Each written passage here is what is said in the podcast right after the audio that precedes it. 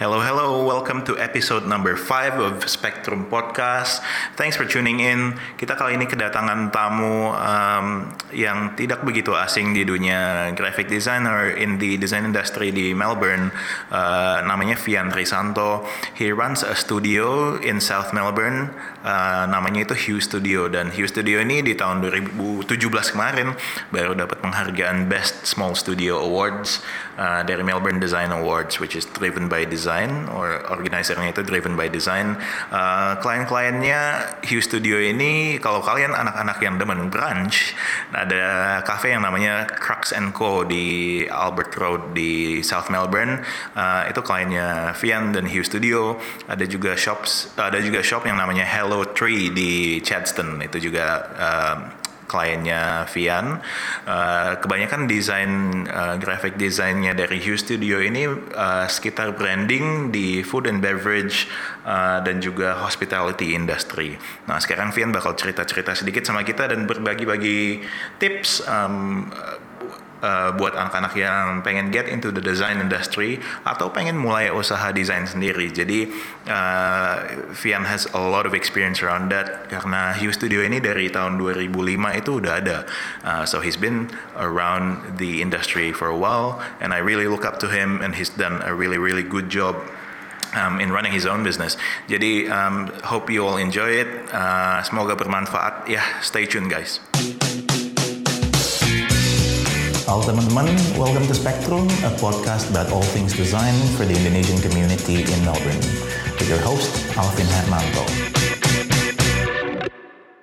Vian, thank you banget nih udah datang ke Spectrum Podcast. Uh, kita kan baru mulai nih, jadi emang gue pengennya uh, alternate gitu. Kalau kemarin-kemarin udah ada interior design, ada fashion hmm. juga.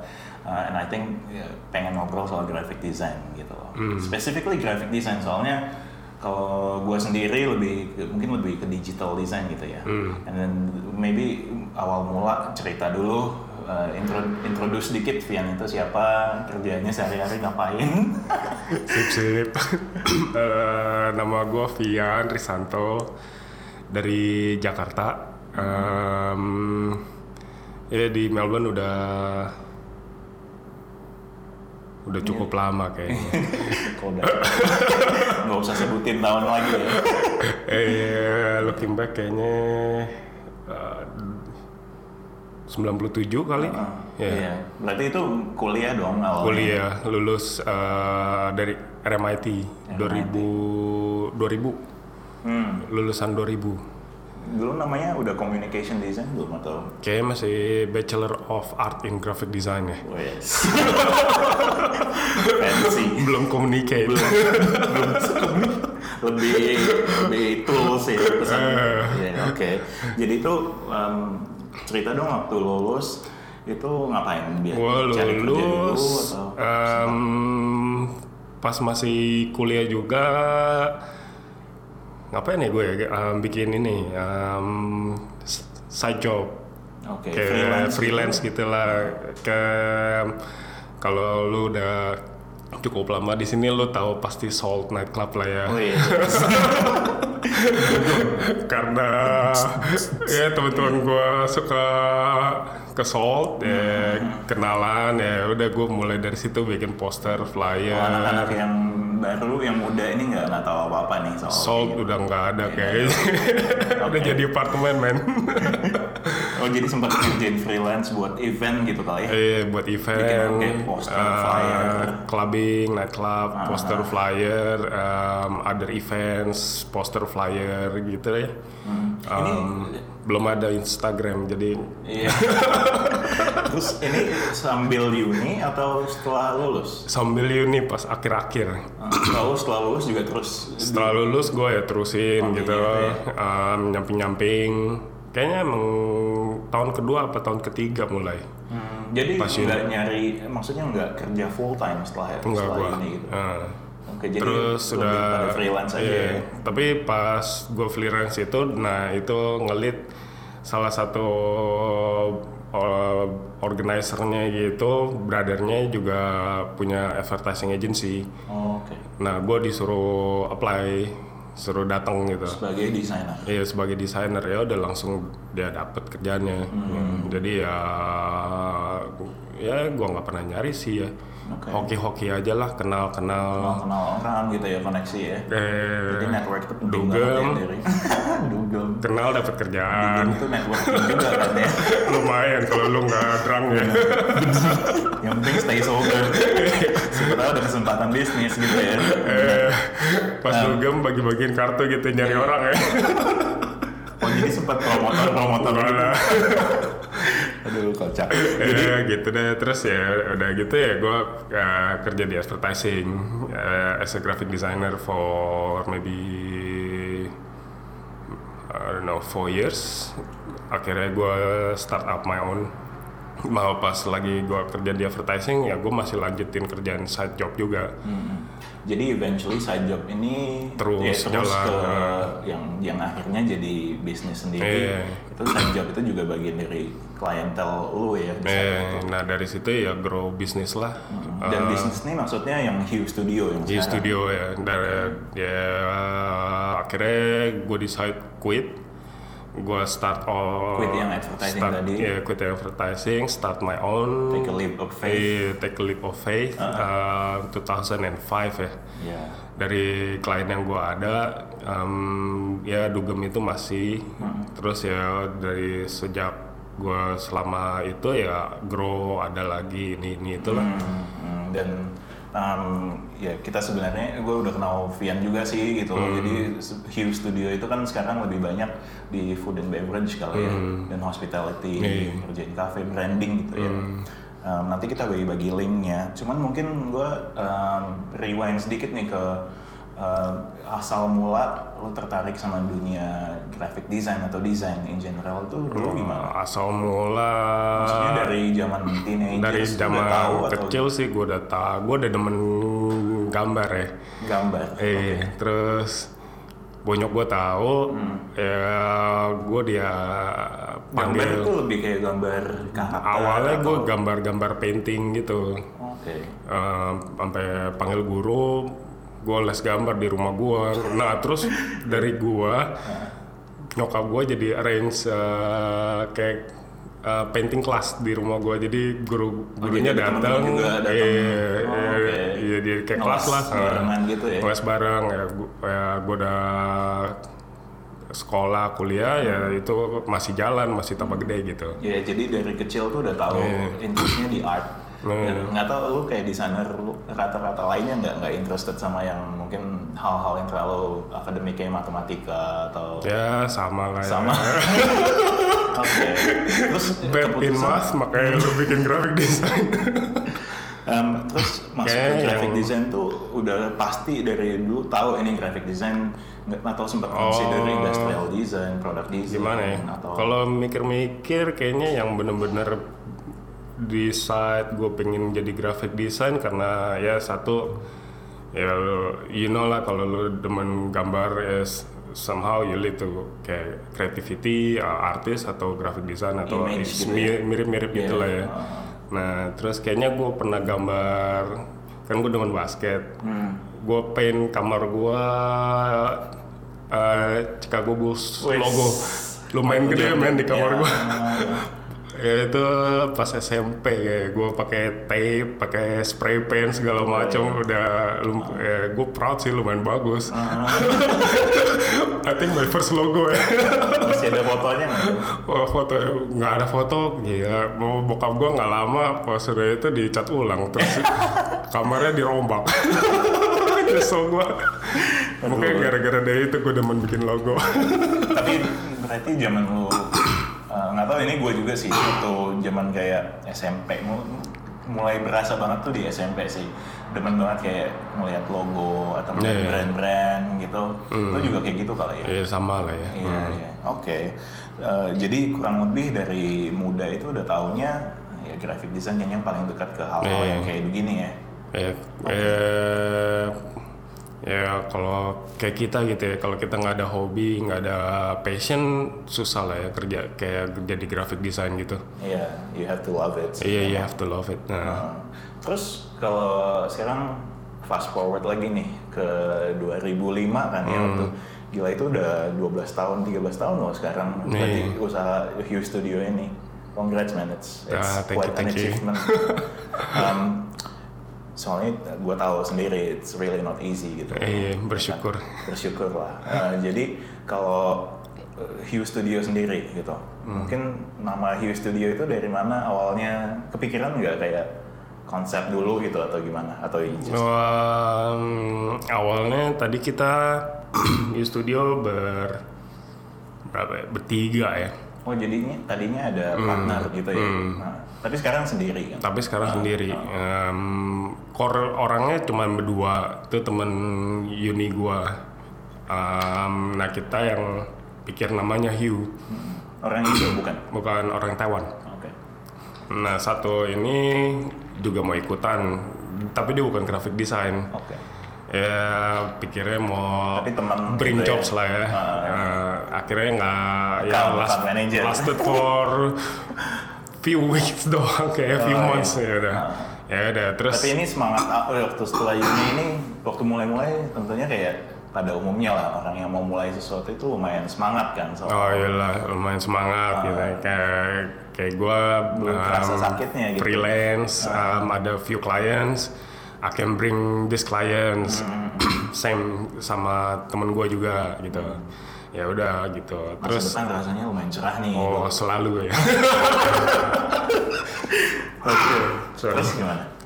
ya gitulah ya, nggak lama um, ya grow oke slowly up and down up and down makanya juga baru mulai-mulai ya Uh, looking back kayak dulu kita di kita di Chapel Street juga Oke, heeh. temen gue punya shop tapi shopnya Di atasnya gitu. nggak di di shopnya gitu Nah, terus tapi soalnya dia mau move out dia ada few um, rentnya masih masih ada kontrak ya udah kita pakai take over gitu Hmm. Terus jadi nama Hiu tadi gimana? nama Hugh dari kita decide aja sendiri berdua sama temen gua Kenapa tuh? Hugh is a color Color. heeh. Iya, iya, iya. Iya. Kan hue color ya, udah stuck aja sama nama itu ya. Ya udah dia pakai itu gitu ya. Eh, terus um, ya nama juga susah nyari nama ya. Iya. Sekarang kita kerja aja buat klien aja mikir cari nama juga one of the hardest Mau one. Nyari domain lagi. macam. Oke. Terus eh, jadi Hiu Studio ini kalau dibandingin dulu waktu baru mulai, and then you look forward 10 years later gitu, perubahan yang paling kerasa itu apa?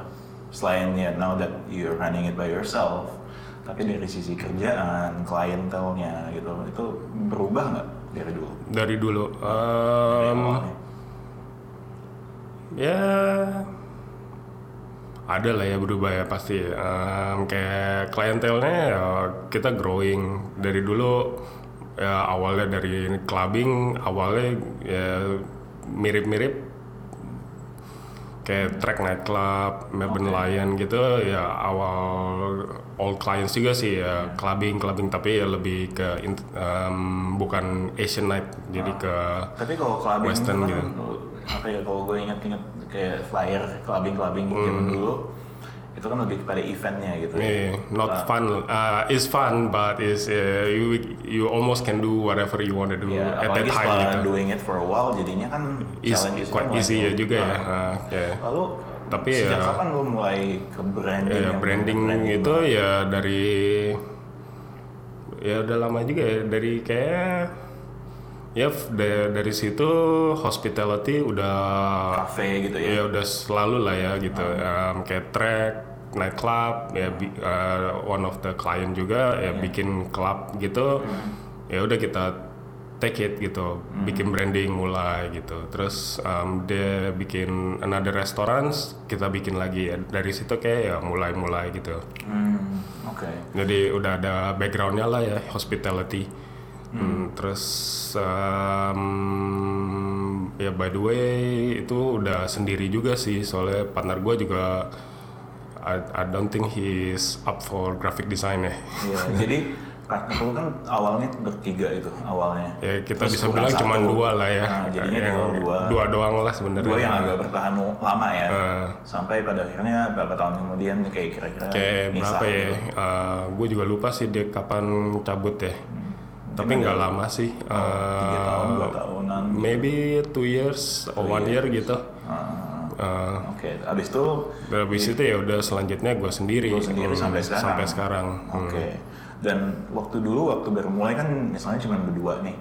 Berarti lo belum punya yang staff dong yang bantu dulu itu ya. Ya belum kita aja semua kerjain. Dan sejak kapan Hugh itu udah mulai hire freelancer buat kerja atau apa ya part timer atau Sejak kapan ya? Nggak lama after ya, dia cabut sih kayaknya. Tapi gue lupa tahun berapa. Tapi ya udah lama juga lah. Hmm, ya, ya. Dan Hugh ini berapa orang sekarang? Phil? Tiga. Tiga. Dan itu desain semua ya. Jadi fully focus on graphic design ya dan branding gitu. Graphic design, branding, website. bikin website juga um, intinya branding lah ya kalau Branding lah, uh, kita itu launch bilang- new product atau new apa Iya, brand new bisa brand. ngerjain semuanya gitu New gra- uh, applicationnya ya Cafe kita juga bikin bukan restoran hospitality juga kayak ar- architecture, um, retail, ya gitu deh. oke. Terus kalau uh, Hugh yang sekarang nih dan Vian yang sekarang nih keseharian kegiatannya gimana aja nih? What's a day like for Vian? What's a day like ya uh, bangun ngurusin anak, ngantor ya kerja kerja kerja aja udah gitulah pulang. tapi uh, attention lu ya between family sama Iya, Hugh, sama mesti lah, uh, kan. mungkin that's Find ya. a work life balance ya. Iya. work life balance. Oke, Tadi deh, lu sih maunya kalau udah sampai rumah nggak mau bikin kerjaan tapi ya mau mau susah lah ya. Iya. Hmm, Iya benar. Gue bisa relate banget sih. Um, maybe when we come back, I'm gonna talk more about uh, apa ya the lows nih. The lowest one. Jangan nangis tapi. Um, soalnya gue ngerasa hal-hal yang paling challenging itu yang justru lebih seru nih kalau kita Eh, ayo iya. Lalu bagaimana cara kita overcome itu? Eh. Oke, alright.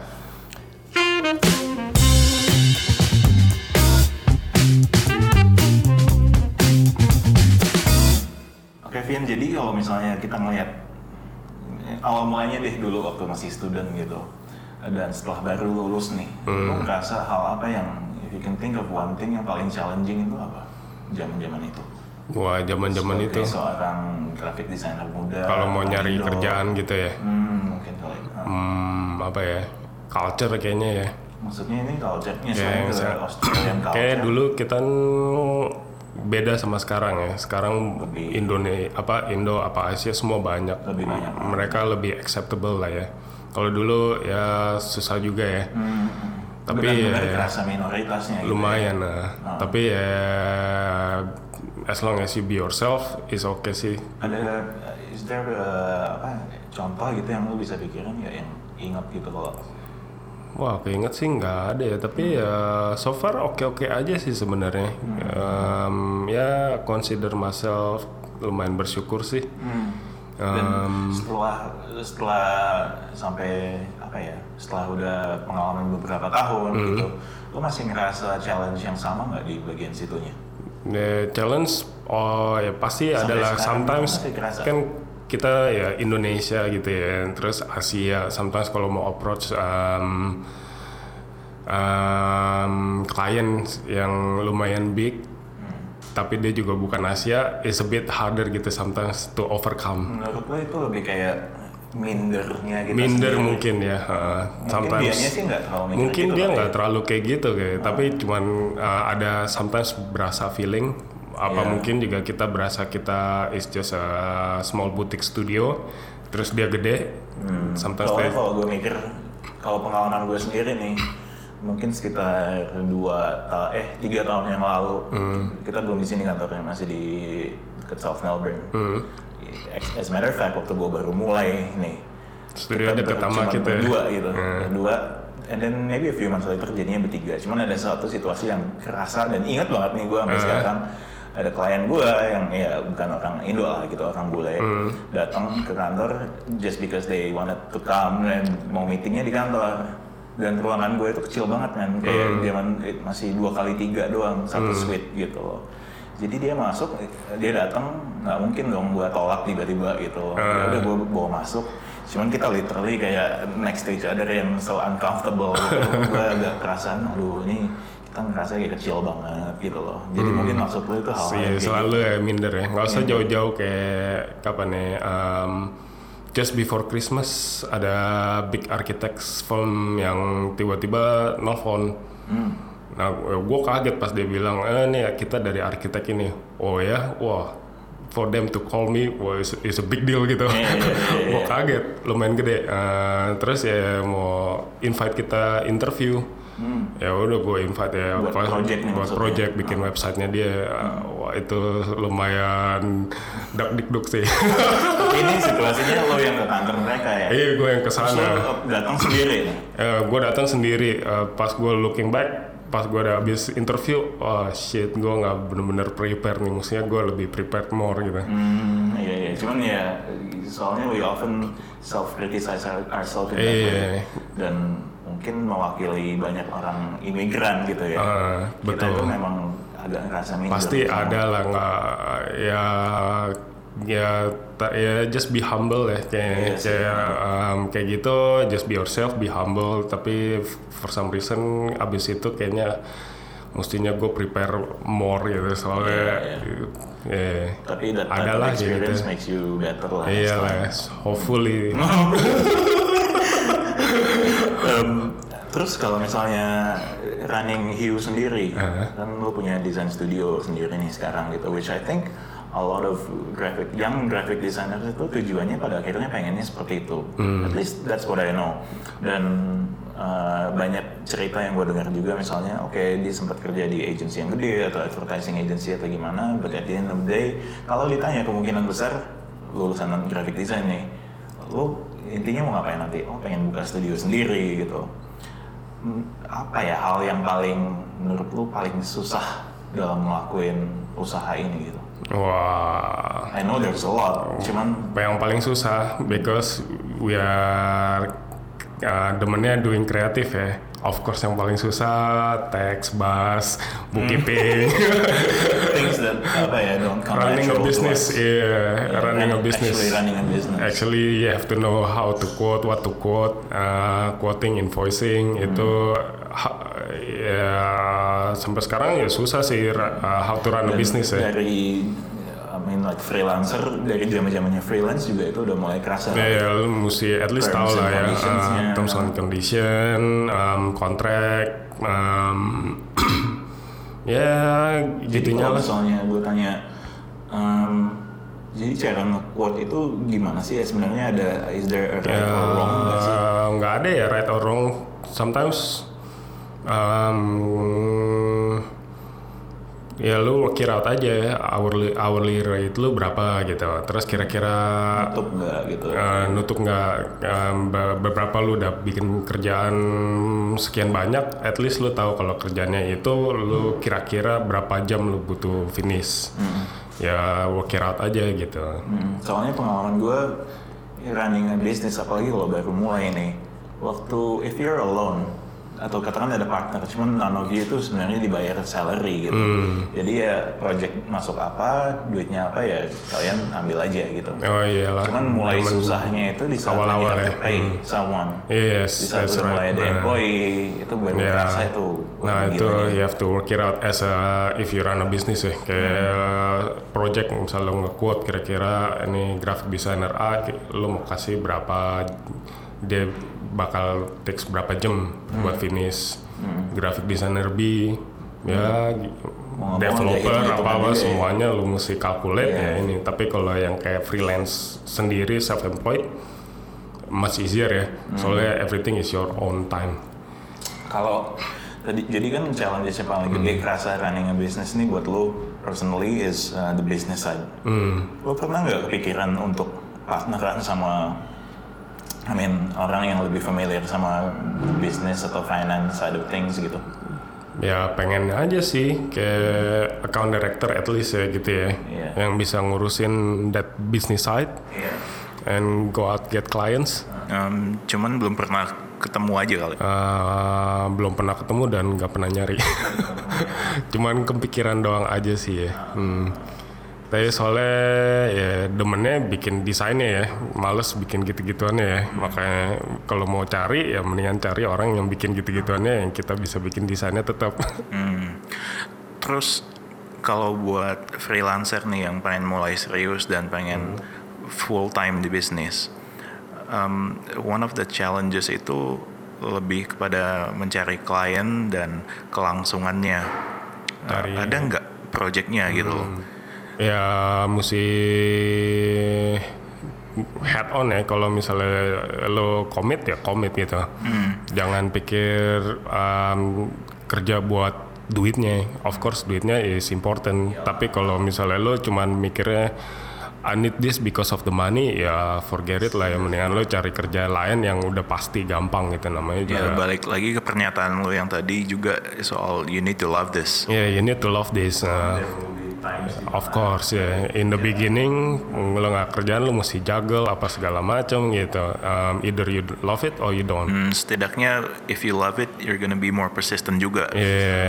Ya yeah, misalnya ya yeah, sometimes kita sekarang juga gitu ya kita udah quote certain amount, tapi ini kerjaan kok nggak selesai-selesai. Hmm. At the same time, waduh, ini udah Kapan bayarnya, yeah, kerjaan nggak selesai-selesai. Selesai, tapi you love the job ya yeah, sometimes ya yeah, it's okay lah. Because I want to finish it is our own work. Folio bagus because you love it gitu. Menurut lo um, kalau misalnya kita ngambil contoh uh, tukang AC aja gitu kalau dipanggil ke rumah buat cek uh, eh, AC rusak gitu itu aja udah dibayar gitu karena ada hmm. fee-nya ada call out fee-nya. Hmm. nah. Hal-hal kayak gitu itu kan lebih banyak terjadi di kerjaan yang um, cukup teknikal gitu loh. Nah Sedangkan kalau misalnya di um, di desain, di desain um, kita itu most designers yeah. itu um, merasa kayak nggak apa-apa kalau nggak dibayar just because I really enjoy the work. Um, dan kadang-kadang ada kompromi hmm. kalau uh, gue nggak apa-apa deh uh, dibayar sekian, tapi uh, because I'm gonna enjoy the project anyway. Menurut lu ada nggak hal-hal kayak gitu? Uh, Sebenarnya sih jangan ya. Uh, iya. Oh iyalah tertarik sama project itu ya go willing to maybe lower the quote uh, because I I want that job. Ya yeah, of course ada sih. Is okay ya tuh tergantung individually ya jing. Kalau lu mau apa enggak gitu ya. Uh, oke okay apa enggak ya terserah dia sih ya. Ke, tapi ya hmm, kan kadang-kadang ada orang yang mindsetnya kayak I'm willing to take a loss sedikit hmm. ini cuman I know it's going to be a good portfolio piece. Yeah, um, atau misalnya juga kalau misalnya udah dibilang sama kliennya dari depan uh, I'm hmm. gonna do it this way and I'm willing to compromise on the price. Uh, cuman I'm gonna do it on my own terms misalnya um, hmm. dari uh, sudut stylenya itu hmm. udah stylenya kita hmm. sendiri. Ya nggak apa-apa sih. Hmm, Oke, okay. um, gue boleh nanya nggak kalau menurut lu nih pandangan lu ke depan seorang desainer atau graphic designer specifically itu skillnya masih dihargain nggak sih? Soalnya, um, I mean these days it's so easy to buy design and uh, hmm. uh, ada banyak banget template gitu. Pasti masih dihargain sih ya, of course ya. Uh, kalau ya gue liatnya kalau misalnya klien compare kerjaan kita harga kita sama template ya bye bye aja deh lu cari aja sana template. Of course there's a other clients who's willing to pay ya. Hmm. eh, value-nya apa menurut value-nya soalnya lebih unik different template biarpun lo template-nya kayak gimana kelihatan lah kalau itu template gitu. Lu sering dong hadapin hal-hal yang kayak gini? Hmm, sering juga enggak ya. Tapi bilang enggak juga nggak juga ada gitu. Kayak klien compare gitu. Tapi mungkin compare compare nggak sama template kali. Compare sama yang lain gitu yang lebih murah. harga lain gitu lebih murah gitu. Tapi ya ya confident aja ya pede-pede aja ya. Bilang nih yeah, you know yeah what you pay for gitu kayak ini folio gua uh, kayak dikasih lihat misalnya compare apple to apple lihat folio dia ya lu tau lah kita Hmm, dan gimana kalau gitu. dia Kalau- ngeliat studio lain yang sejenis gitu, mungkin harganya jadi kurang lebih sama Hmm, mungkin harganya sama atau bahkan lebih. gitu. Iya, bahkan lebih atau ya kadang mungkin company lain charge revisions, you never know. Iya. Hmm. Berhubung you brought this up, revisions. Eh, Um, salah satu challenges buat freelancer itu adalah ya, ya revisi dan eh, kapan selesainya gitu loh. Perasaan Hmm. kok kerjaan tadinya cuma segini eh, lalu kok nggak selesai selesai gitu loh Eh. sampai sekarang. Kalau di digital itu istilahnya scope creep. Gimana cara menghadapin kayak gini? Transparan aja kayak misalnya kayak lu pas nge-quote lu bilang dari awal uh, revisionsnya three rounds of revisions. Revisionsnya itu kayak gimana? Misalnya mungkin ntar kliennya nanya "Uh, kalau kayak gini-gini kalau misalnya gue nggak demen logonya uh, ada other option itu consider revisions apa enggak? Gitu. Ya paling kan kita bilang kalau kita do branding kita come up with one or two concepts only gitu. Tapi sometimes um, one is enough uh, kliennya udah oke ya udah. Tapi ya revisions kalau misalnya masih biarpun kita udah bilang two rounds tapi lewat dikit-dikit ya kita is oke lah nggak males gitu ngurusin si ri- ri- apa um, charge charge tapi kalau udah bener-bener keterlaluan of course at the same time ya kita udah kasih tahu ini kayak udah too much from this on we have to charge you revision Hmm, dan it really helps kalau dari awalnya dia udah tahu gitu. Iya, nah, Iya, dia jadi bisa Iya. lebih hati-hati nah, juga kalau gitu. dia udah tahu kayak gitu of course dia lebih more Iya. careful. Uh, iya. kalau nggak dikasih tahu dia main gampang aja gitu Iya. Hmm. Nah, kalau menurut lu industri desain di Melbourne nih, uh, to start something like this atau kalau mau mulai bisnis ini, Hmm. menurut lu ma- uh, marketnya itu kompetitif banget nggak sih di sini? Wah sekarang lumayan sih ya. Banyak banget kan nih, uh, maksudnya studio yang kecil-kecil juga banyak banget yang bagus Studio gitu loh di kecil-kecil sini. juga lumayan bagus-bagus. Freelance juga banyak. Hmm. Dan jadi kalau misalnya untuk seseorang yang mau mulai um, dari freelancer untuk start their own thing, lu punya tips-tips apa nggak gitu loh buat mereka? Punya tips, um, just be yourself. Like um, humble is important ya. Um, biarpun lo kerja sendiri atau kerja sama orang, just be humble. Um, um, teamwork is important biarpun lo kerja freelance of course is um, lo bakal involved with others lah ya um, biarpun lo bikin branding lo bakal involved with signage maker, involved with um, builder apa segala macam, another designers, illustrator ya kalau lo bisa easy to work with will go a long way gitu. Um, persistent juga perlu kayaknya. Hmm. Oke, soalnya kadang um, it's a fine line gitu between persistent sama um, kayak nggak tahu kondisi lagi gitu. Um, misalnya gue mencoba bertahan nih, bertahan nih, cuman ada kadang-kadang ada suara di belakang itu yang ngomong kalau ah, lu sebenarnya nggak bisa lagi nih gitu loh, lu cuman maksa doang. Um, jadi gitu loh. Uh, kadang bingung antara ngotot atau being persistent gitu loh. Ngerti nggak? Jadi persistent sama ngotot tuh agak-agak beda tipis gitu loh. Jadi what, what do you Ya think? gimana ya? Gue hokinya ya um, bagusnya um, cewek gue yang sekarang bini ya lumayan suportif gitu dulu sejak dari mulai Hugh Studio. Oh, gue juga sama soalnya sama lo. Gue kan juga nggak punya partner di sini di Relap. Jadi the only way for me to reflect itu um, do one on one session dengan tim gue and ask how am I going atau uh, the only person yang baka, yang paling bisa ngomong Vin you're doing something wrong here Iya. itu adalah ya bini gue. Istri lah pasti lah ya makanya jadi uh, it's good to have a good partner uh, yang suportif jadi kalau misalnya down ya masih bisa oke gitu terus terus ya up ya masih happy gitulah Terus on a daily basis, how do you keep yourself motivated? I mean, lu ini udah lumayan lama gitu loh. Um, gimana caranya supaya nggak monoton dan jadinya kayak gitu-gitu aja, um, jadi nggak bosen gitu loh. Um, uh, yeah, what what keeps you motivated?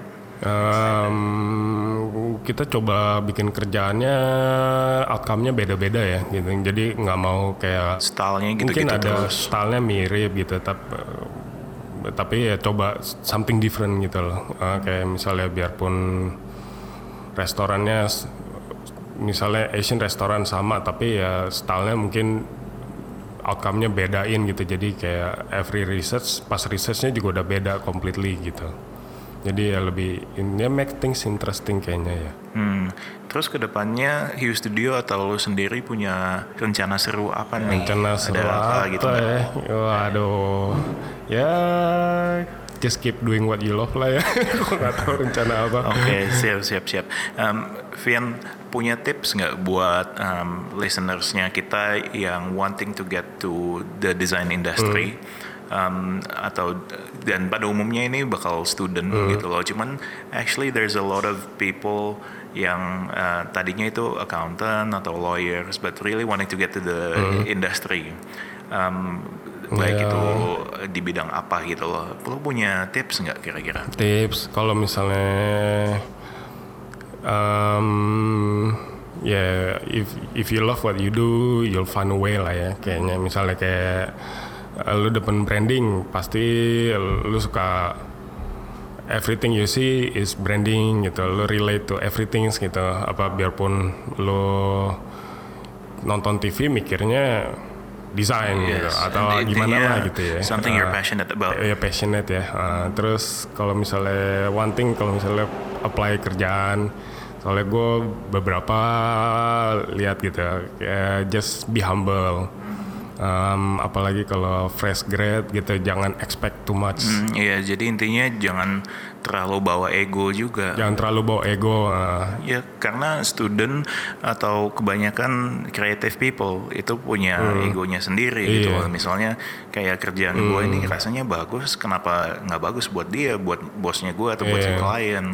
Um, Jadi kadang-kadang ada yang kayak gitu gitu. Hmm, mungkin buka- bukannya jangan expect too much ya bilangnya mungkin uh, jangan apa just be humble lah ya kayak belum show anything udah expect something of Iya, course iya. it's hard to get Jadi it ya. intinya this is about uh, how do you get your foot into the door. put into the door ya just Nah, karena kebanyakan desainer itu menurut gua kalau misalnya udah punya pengalaman dan punya portfolio, nyari kerja itu sebenarnya lebih gampang gitu. Yang susahnya itu yang awal. kan ya namanya lu baru fresh grad Hmm, iya. Uh, folionya cuman kerjaan Uni.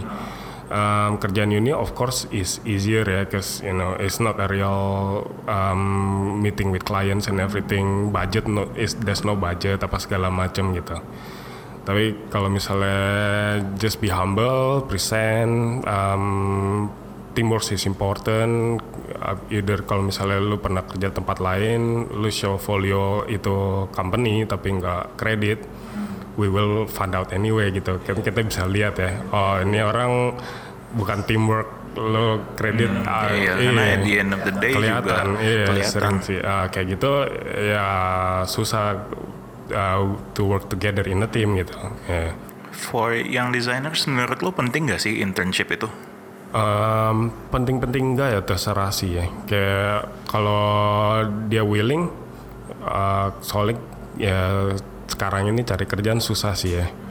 Um, banyak orang yang bilang juga, tapi ya kalau memang nggak ada pengalaman mau internship, get valuable internship knowledge, ya why not gitu. Hmm. Terus kalau misalnya buat student yang lagi kuliah nih, kan biasa kalau kuliah nih liburan lumayan lama nih 2-3 bulan gitu loh. Um, menurut lu worth it nggak sih buat mereka itu masuk ke dalam suatu Oh, studio why not? untuk internship walaupun nggak dibayar gitu loh. Tapi paling nggak bisa Oh amatin iya, kegiatannya. is valuable. Gua kadang juga gua mau nggak main kalau misalnya gua bisa internship sama company gede gitu ya. Learn to know their business gitu. Is uh, these things you cannot they don't teach you in uni. In uni, Iya. iya benar benar benar. Oke. Um, It's more valuable than kayak learning AI PhD in design kayaknya. Uh, Um, Oke, gue ada pertanyaan terakhir nih, Vian. Dari tadi pertanyaan terakhir mulu nggak selesai-selesai kita. Um, um, if there was one thing that you would do where you wouldn't get paid anyway, um, what would it be? apanya? if, if there was one thing that you can do, Oh. uh, di mana uh, uang itu udah bukan masalah lagi Apa gitu, ya? lu bakal ngapain? Ya doing design is okay. Oh intinya desain ya. Eh, atau gue bikin mainan dah. Oh buat anak lo. Nggak buat gue sendiri. Oh. Oke oke. Eh, hobi eh, 12 inch sculpting. Hah? Eh, sculpting. Oh. Jadi gue nggak main tuh. Eh, Well, well, thanks, Fian. Um, I know your time is precious. You've given us a lot of information here, very valuable. Uh, so thank you. Thank you, thank you. Eh, semoga bermanfaat nih. Gue nggak tahu nih. Dari tadi ngomong cuma Uh, asal thanks, doang. ya. sukses selalu buat Hugh Studio juga. Sip, sip. Eh, Thanks, man. thank you.